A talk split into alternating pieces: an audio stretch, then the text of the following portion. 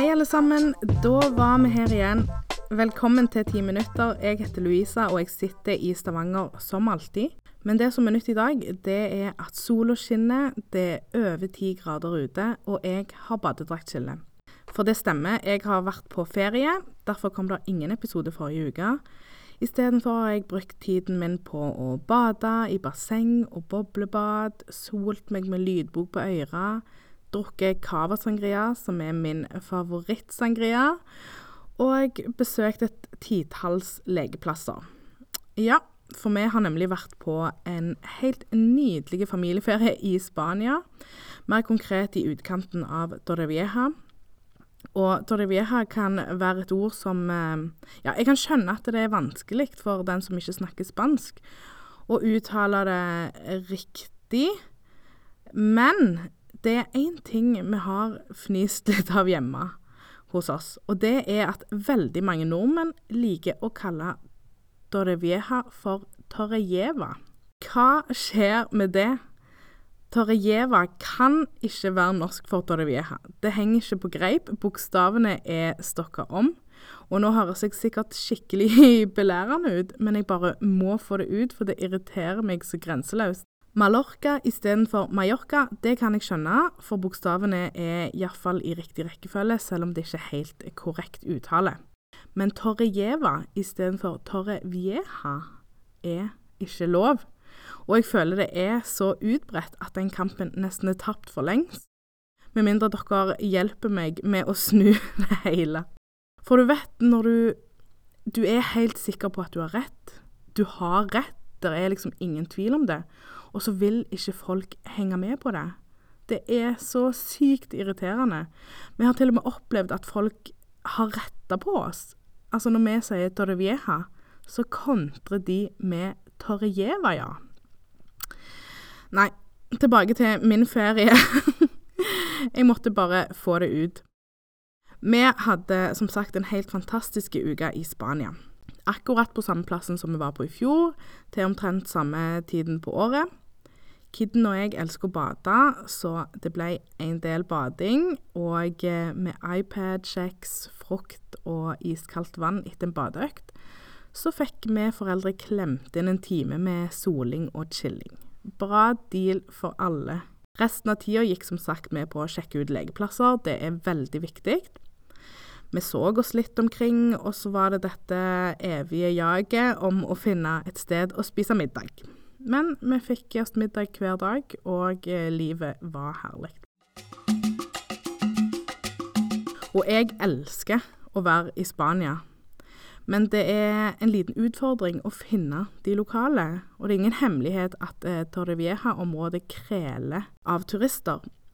Og vi liker oss litt mer blant de lokale når vi er på tur, bare for å få følelsen av at vi besøker et land med en kultur Ja, dere skjønner hva jeg mener. Vi vil ha, spa, eh, vi vil ha smaken av Spania. Og grunnen til at vi drar nettopp der vi drar, for dere tenker at det er jo ikke så lurt å dra til et sted der det er så veldig mange turister, når vi egentlig er på utkikk etter noe annet.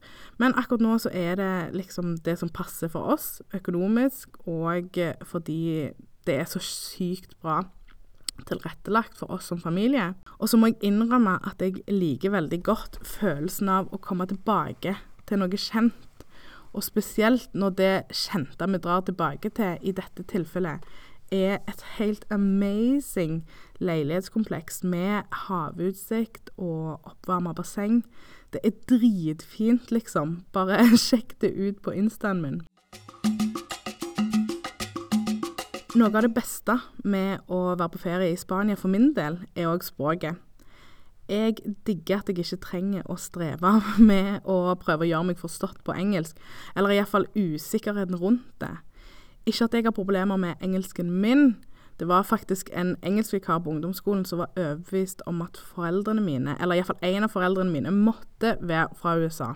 Men jeg bare svarte jo nei, jeg har bare sett jævlig mye TV, og det var jo det som var sant, men herregud, for en cocky kid jeg var. Poenget var at når du reiser et sted der det ikke er engelsk som er førstespråk, så er det ikke alltid Ja, det er liksom en sånn liten greie med språket, da. Du vet aldri om den du møter, kommer til å skjønne hva du sier. Og nei, det pleier ikke å være et problem, og det løser seg alltid, det er ikke så strevsomt. Men i Spania er det liksom ikke noe å tenke på i det hele tatt for min del, og det syns jeg er ganske digg. En annen ting som jeg syns er digg når jeg er i utlandet, er òg å sjekke ut matbutikken. Altså bare gå og handle, se på utvalget. Jeg kunne gått langs hylleradene på Carrefour i timevis, noe som selvfølgelig er helt umulig når du har en kid på slep. Men så var det sånn at det oppsto, eh, la oss kalle det litt uenigheter, i forkant av første handletur. Så da bestemte jeg meg for å bare forlate situasjonen et lite øyeblikk. Sitt her, sa jeg, jeg begynner å handle, og da fikk jeg en halvtime alene i frukt- og grøntavdelingen. Jeg plukket med meg en ananas, en klase med tomater, løk, fersken, avokado, bananer osv. osv. Dødsdigg, tenkte jeg, helt til jeg sto i kø for å veie alle varene og få prislapp på det jeg hadde plukket med meg. For da innså jeg at jeg måtte pakke alt, hver for seg, i plastposer. Jeg grein innvendig. Åh, altså når jeg først kunne plukke alt i løsvekt, hvorfor måtte de ødelegge gleden, og ikke minst planeten? Med at jeg måtte pakke alt i plastposer. Det var skikkelig nedtur. Selvfølgelig, jeg måtte jo bare innfinne meg i det der og da, men ja Ikke kult Karefo. Men nå var det nå sånn, så jeg trøsta meg med å marsjere rett bort til den internasjonale seksjonen og sjekke ut utvalget av kjente og kjære colombianske varer. Og jeg vet at det er iallfall ikke miljøvennlig å importere varer over fra et annet kontinent. Men når det først er der, så kan jeg ikke noe for å nyte det litt. Gi meg en tolitersflaske med colombiana, som er favorittbrusen min over alle brus, så er jeg sett for en hel uke.